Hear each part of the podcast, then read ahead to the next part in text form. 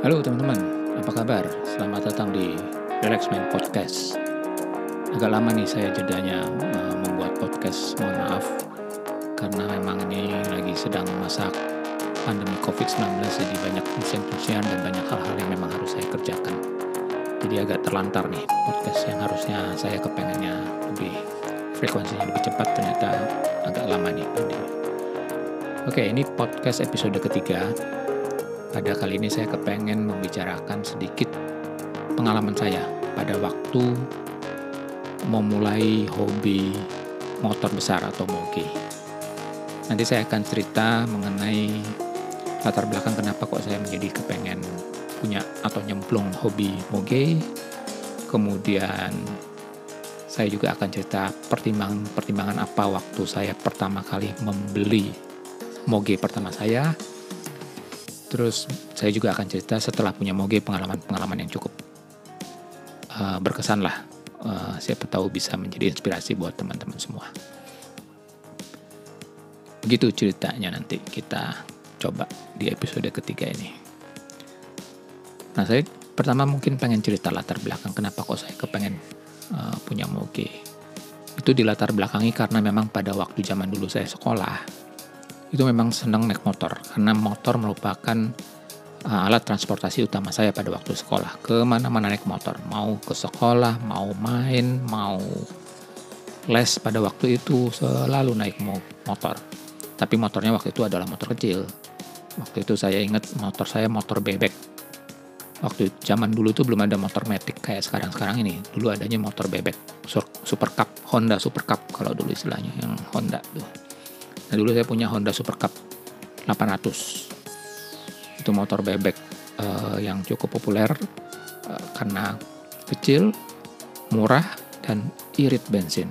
Itu motor tuh isi bensinnya cuma 4 liter tapi bisa dipakai seminggu dengan model saya yang pada waktu itu seneng kelayapan ke mana-mana jadi cukup irit cocok lah untuk kantong pelajar dan mahasiswa pada waktu itu itu saya mulai naik motor dari SMA sebenarnya dari kelas 3 SMP saya udah mulai naik motor. Cuman yang benar-benar tiap hari saya pergunakan motor ke mana-mana itu mulai SMA sampai mahasiswa kemudian pas mahasiswa saya kepengen punya motor yang gede. Untuk waktu ukuran zaman saya dulu tuh masih jarang orang punya motor gede.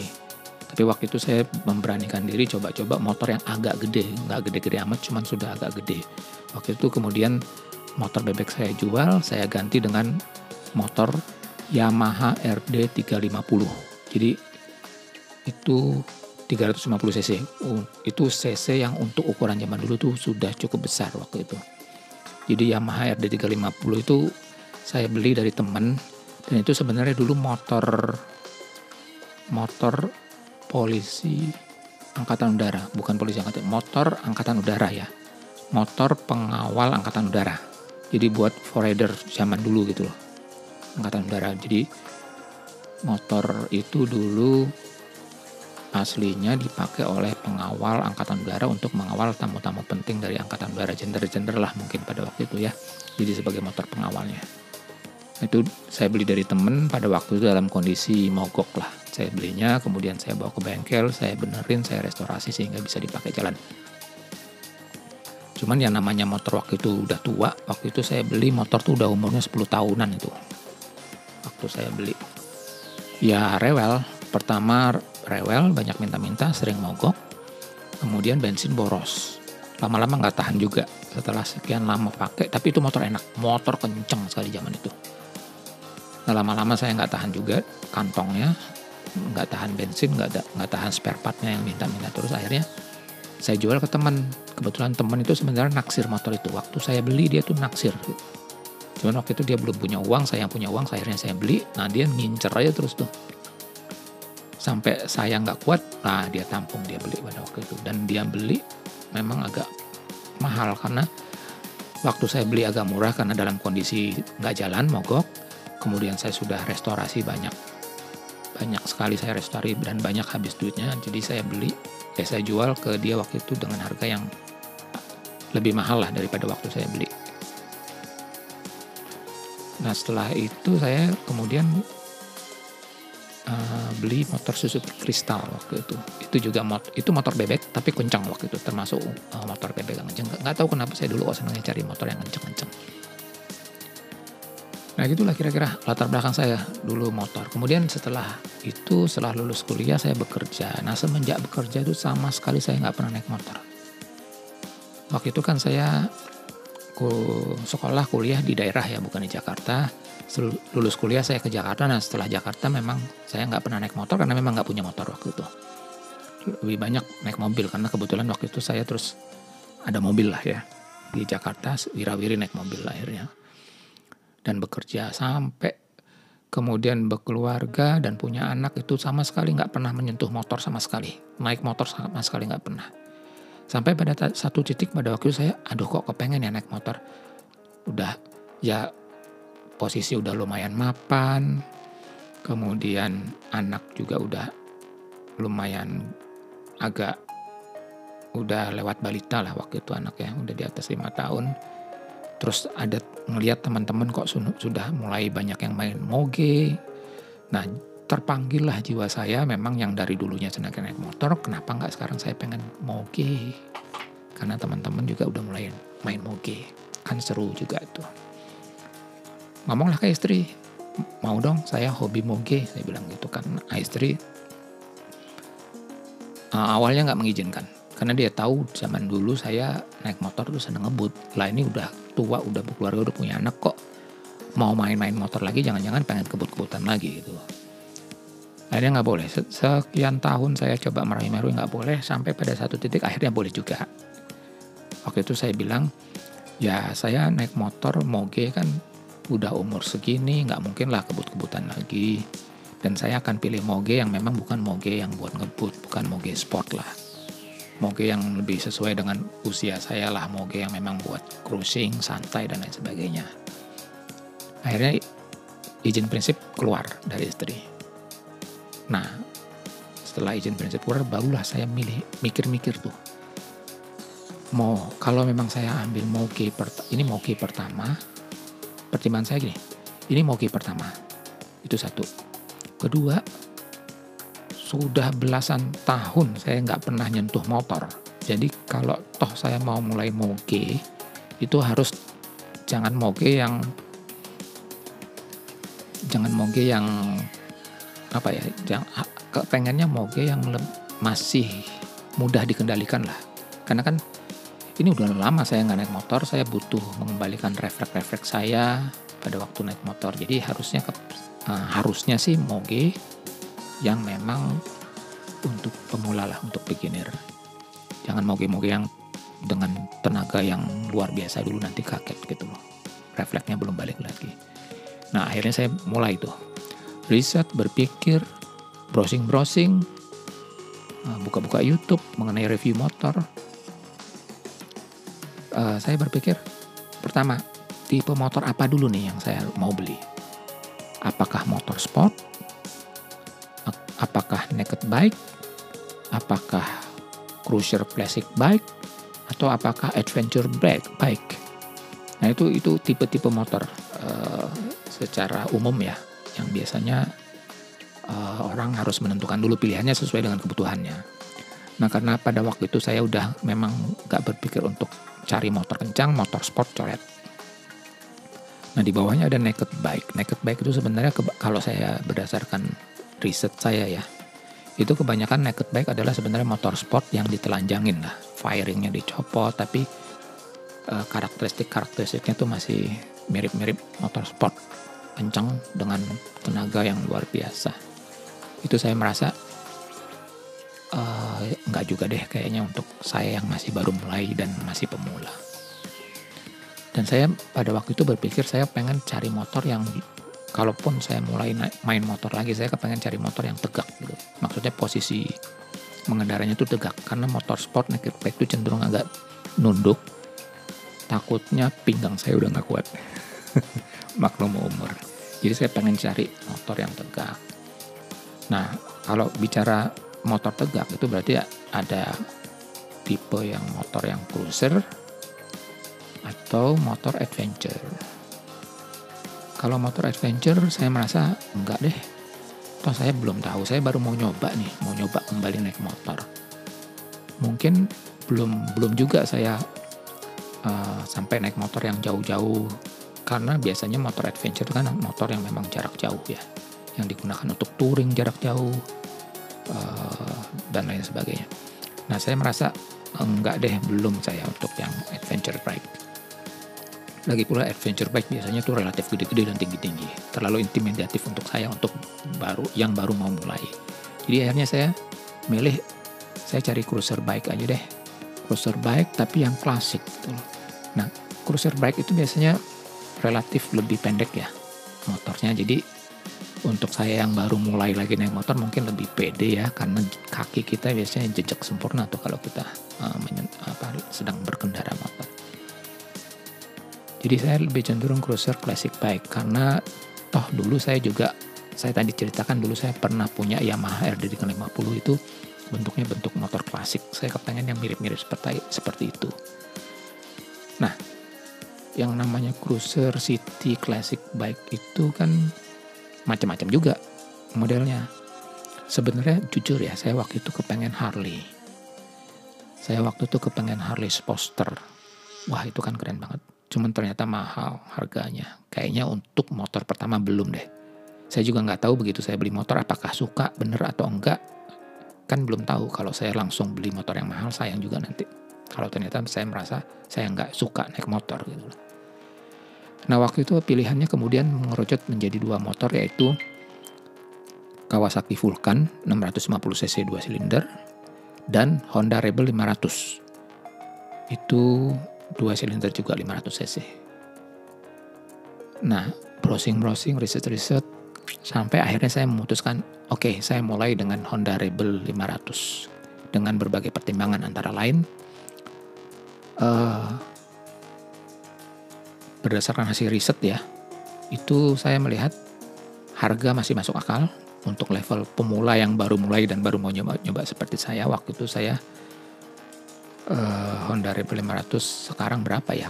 Kalau dulu tuh saya waktu beli masih di harga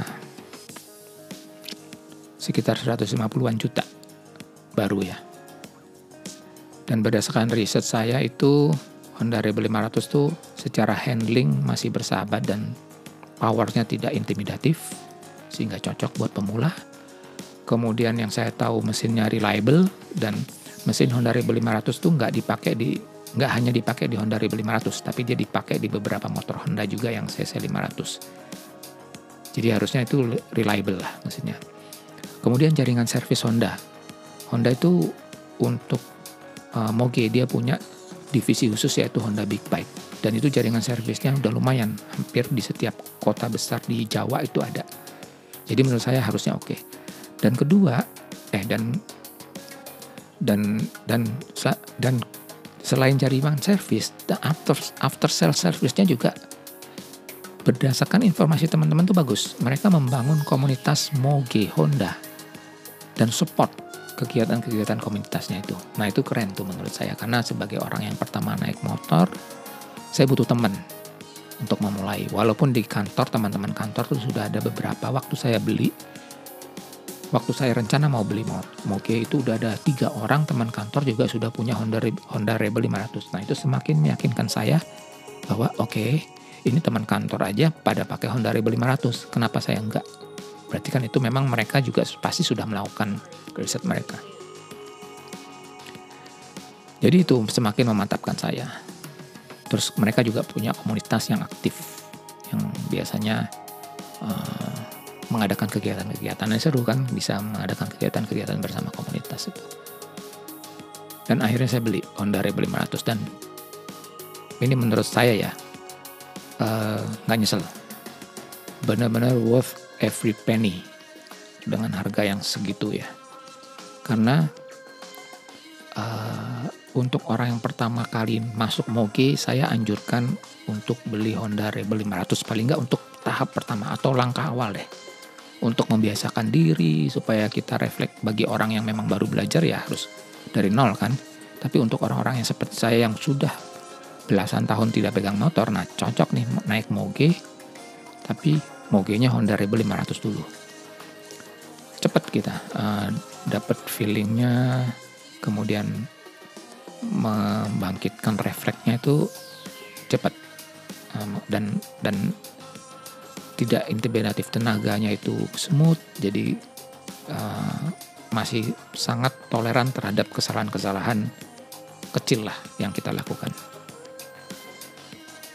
Nah itu dari nah, akhirnya saya beli uh, kemudian ikut touring bersama teman-teman sesama komunitas Honda Rebel 500 baik dan juga ikut touring bersama teman-teman yang memang hobi moge di kantor. Nah itu uh, menurut saya mengasihkan. Saya relatif sebenarnya ya dengan kegiatan kantor saya yang cukup sibuk itu saya hanya bisa melakukan uh, hobi saya itu weekend. Naik motor tuh paling cuma weekend. Dan di antara weekend-weekend yang ada pun tidak setiap weekend saya bisa naik motor kan karena saya harus membagi juga dengan urusan keluarga, jalan-jalan sama keluarga dan keperluan lainnya. Nah, uh, jadi kadang-kadang saya hanya weekend tuh bahkan sebulan hanya dua kali naik motor. Dan itu nggak apa-apa. Maksudnya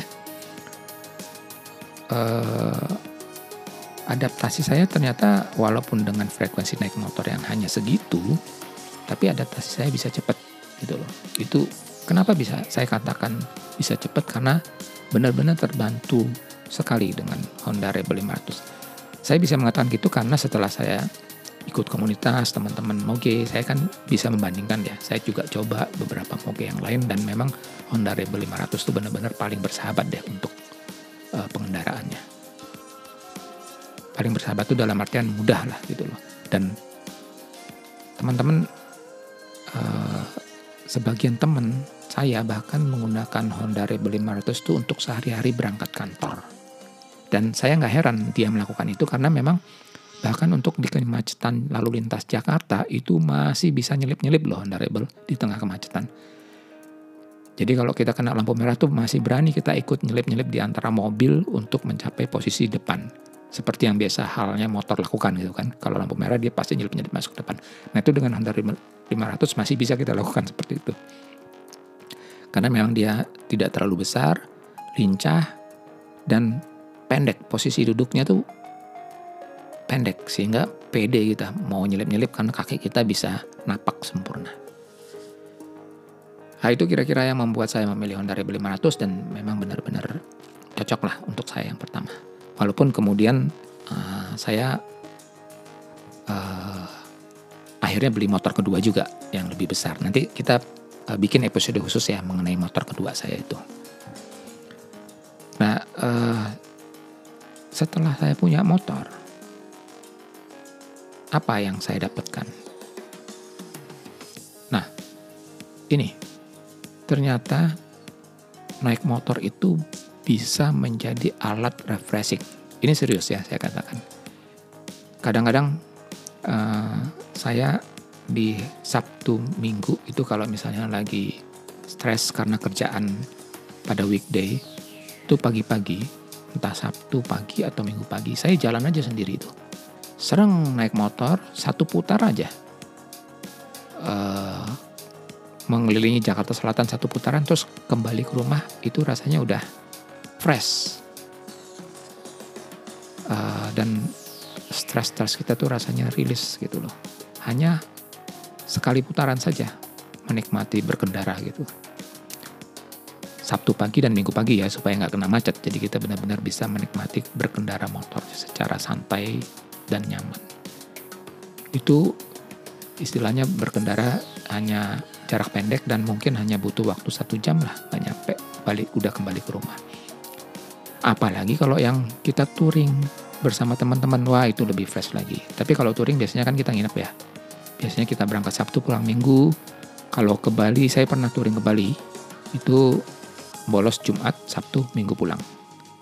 Tapi touring ke Bali itu bukan berarti saya naik motor ke Bali ya. Motor dikirim dulu naik truk ke Bali, lalu saya dan teman-teman naik pesawat ke Bali. Nah kita naik motornya di Bali Nanti pulangnya kita naik pesawat lagi, baru motornya diangkut lagi rame-rame pakai truk. Itu juga fresh. Lumayan lah, uh, enak. Dan mungkin selain naik motor, yang serunya juga masalah gadgetnya, pelengkapan motor itu juga suatu keasikan sendiri. Di mana kita belanja helm, belanja jaket, belanja pernik-pernik lain, sarung tangan, bahkan kita bisa belanja intercom untuk motor ya yang ditempel di helm. Itu bisa. Biasanya orang banyak pakai Sena atau Pektok. Nah itu juga belanja-belanja pernik-pernik itu merupakan keasikan sendiri. Termasuk Kemudian di tahap yang selanjutnya adalah modifikasi motornya. Biasanya orang kalau udah hobi motor itu beli motor nggak akan dibiarin standar. Pasti langsung dimodifikasi, di-upgrade lah itu loh. E, biasanya yang umum dilakukan pertama biasanya ganti knalpot supaya suaranya lebih kencang. Karena biasanya motor-motor standar tuh suara knalpotnya nggak kencang. Nah biasanya orang-orang yang pertama diganti itu knalpot, kemudian ganti suspensin dengan Ohlins, kemudian macam-macam lah uh, nambah lampu ganti klakson ganti selang rem yang lebih yang lebih meningkatkan performance ganti ban sampai masang side bag supaya kalau touring ada tas buat tas yang ada menempel di motor dan lain-lain. Kapan-kapan kita cerita lebih detail mengenai modifikasi-modifikasi motor ya yang pernah saya lakukan nggak? Paling nggak cerita pengalaman. Jadi itulah pengalaman saya pertama kali hobi motor. Nah, siapa tahu juga bisa menginspirasi teman-teman. Uh, tapi apa yang saya alami mungkin belum tentu cocok dengan teman-teman. Seperti tadi pilihan motor pertama saya kan saya mengatakan saya cocok dengan Honda Rebel 500. Tapi bisa aja teman-teman yang lain punya pilihan, punya prioritas, punya preferensi, dan punya kriteria yang berbeda. Silahkan aja, ini kan kita cuma sharing pengalaman. Oke, cukup sekian untuk episode 3 kali ini ya. Semoga bermanfaat untuk kita semua. Stay healthy di era pandemi ini. Bye bye.